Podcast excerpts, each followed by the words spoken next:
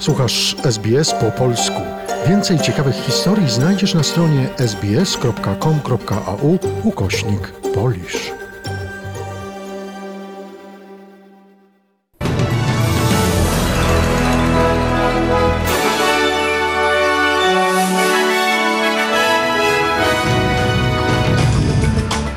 Dobry, przy mikrofonie Dariusz Buchowiecki. Oto skrót najważniejszych doniesień w piątek 1 kwietnia. Lider opozycji Anthony Albanese przedstawił odpowiedź lejburzystów na założenia budżetowe. Rosjanie wycofują siły spod Kijowa i dokonują przegrupowania na wschodzie Ukrainy. W Polsce zmniejsza się liczba nowych zakażeń koronawirusem.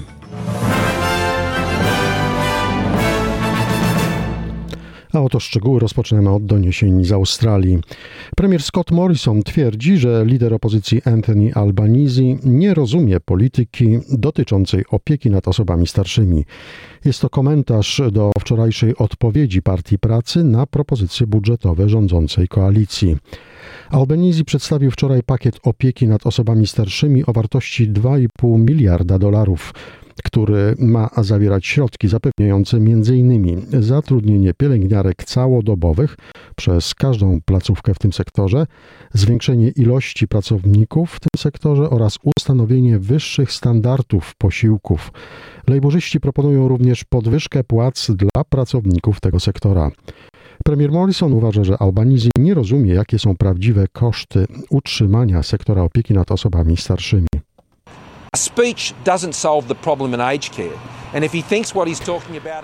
Przemówienie nie rozwiązuje problemu opieki nad osobami starszymi. Jeśli myśli, że to kosztuje tylko 2 miliardy dolarów, to tylko podkreśla, że tak naprawdę nie rozumie szczegółów i złożoności tych kwestii.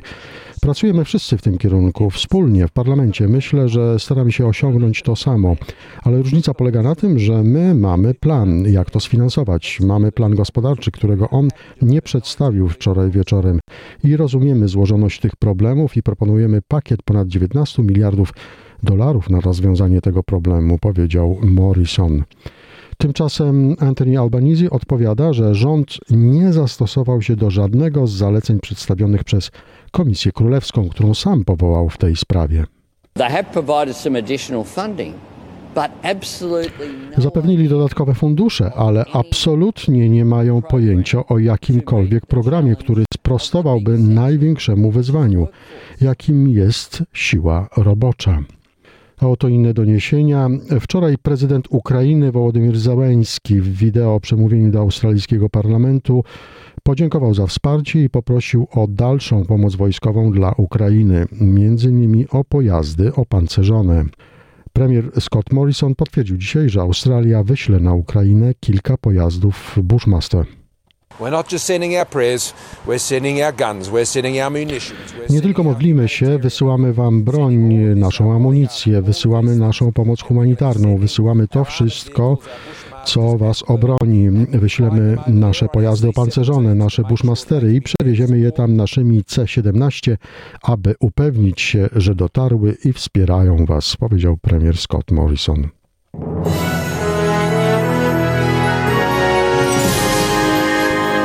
Przechodzimy do doniesień ze świata. Rosjanie wycofują część sił spod Kijowa. Natomiast brytyjski wywiad wojskowy poinformował, że rosyjskie oddziały są przerzucane z terytorium Gruzji w rejon wojny na Ukrainie. Według informacji wywiadowczych liczba żołnierzy przenoszonych z Gruzji na Ukrainę waha się pomiędzy 1200 a 2000. Wcześniej ukraiński sztab generalny poinformował, że Rosjanie chcą stworzyć nową grupę wojsk na wschodzie Ukrainy. Ich celem ma być zajęcie części wschodnich obwodów i kilku tamtejszych miast. Rosjanie opuścili też elektrownię w Czarnobylu. Okupujący Czarnobyl Rosjanie mogli tam ulec szkodliwemu napromieniowaniu. Informują o tym przedstawiciele ukraińskich władz. O szczegółach Paweł Buszko z Informacyjnej Agencji Radiowej.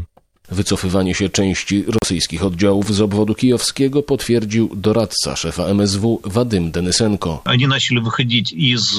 Rosjanie zaczęli opuszczać szereg miejscowości i na pewno opuścili już czarnobylską elektrownię atomową oraz miasto Sławutycz. Rosjanie okupowali teren elektrowni w Czarnobylu od 24 lutego. Według Wadyma Denysenki ewakuacja z Czarnobyla mogła być spowodowana faktem, że część rosyjskich żołnierzy uległa napromieniowaniu. Oni po prostu kopali okopy w tak zwanym Czerwonym Lesie. Jest to jedno z najbardziej skażonych promieniowaniem miejsc nie tylko w strefie czarnobylskiej, ale też chyba na całym świecie. To czysta głupota rosyjskich oficerów i żołnierzy, którzy najprawdopodobniej nie wiedzieli, co zdarzyło się w czarnobylskiej elektrowni. Według niektórych doniesień napromieniowani rosyjscy żołnierze trafiają do szpitali na Białorusi. Wicepremier Ukrainy Iryna Wereszczuk przekazała, że korteżami humanitarnymi udało się wczoraj ewakuować półtora tysiąca osób.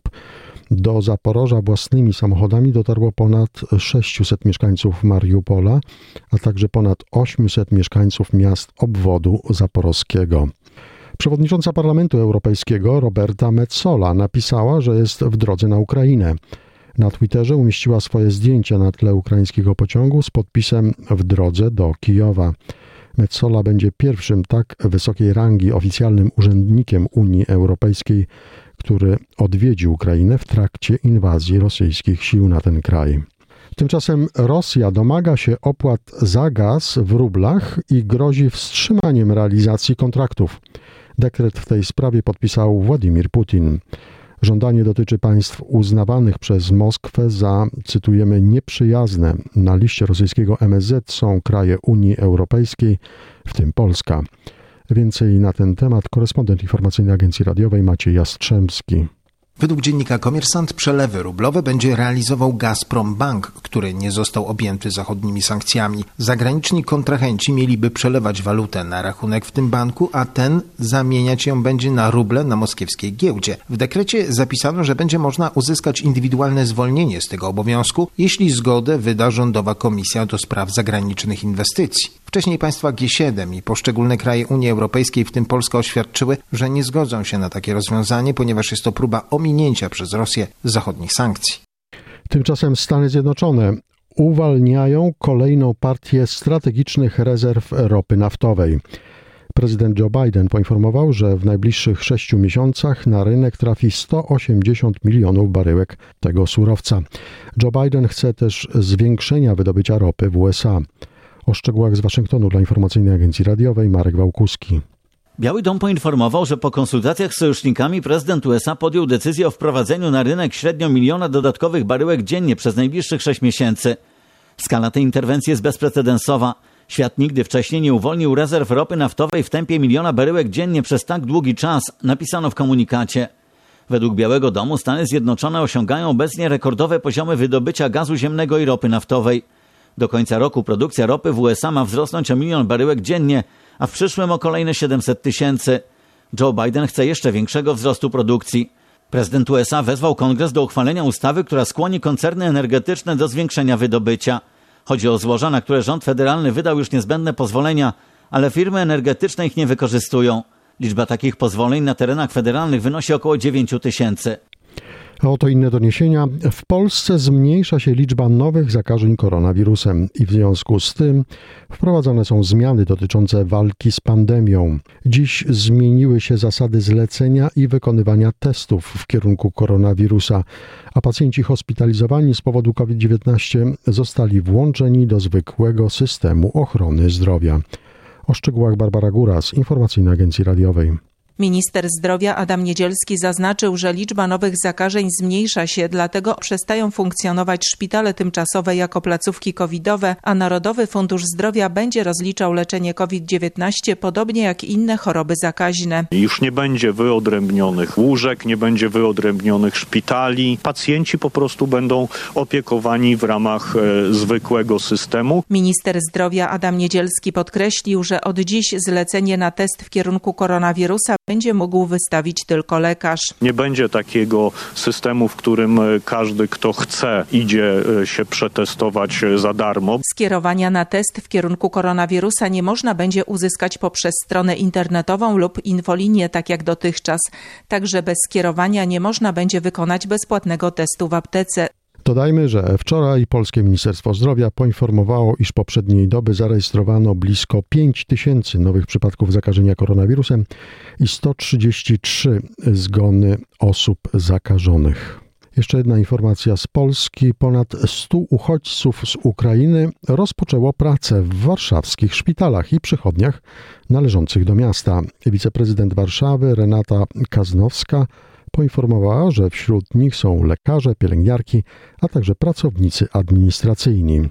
Dyrektor Szpitala Bielańskiego Dorota Gałczyńska-Zych powiedziała, że w tej placówce pracuje kilkadziesiąt osób z Ukrainy.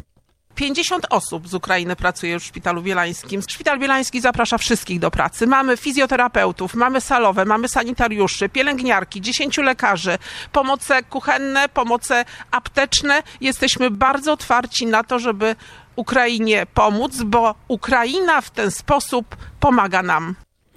Jeszcze wiadomość ze sportu. Hubert Hurkacz awansował do półfinału tenisowego turnieju w Miami. Polak, który broni tytułu na Florydzie, w ćwierćfinale pokonał Rosjanina Daniła Miedwiediewa 7-6.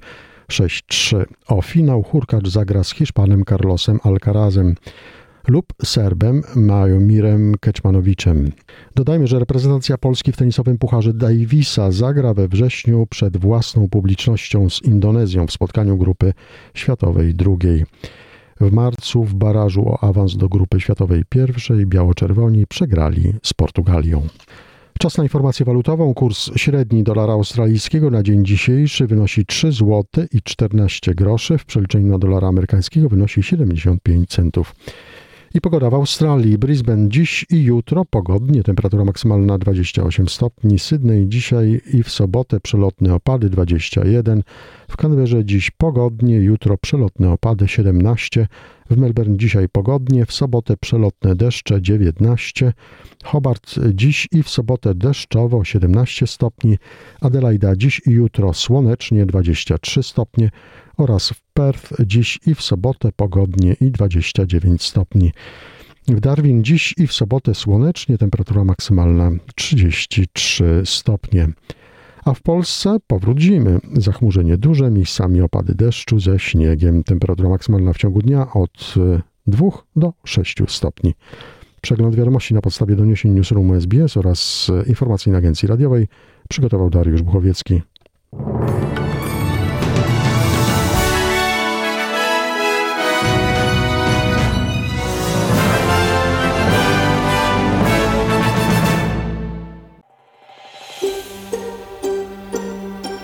Zainteresowało Cię?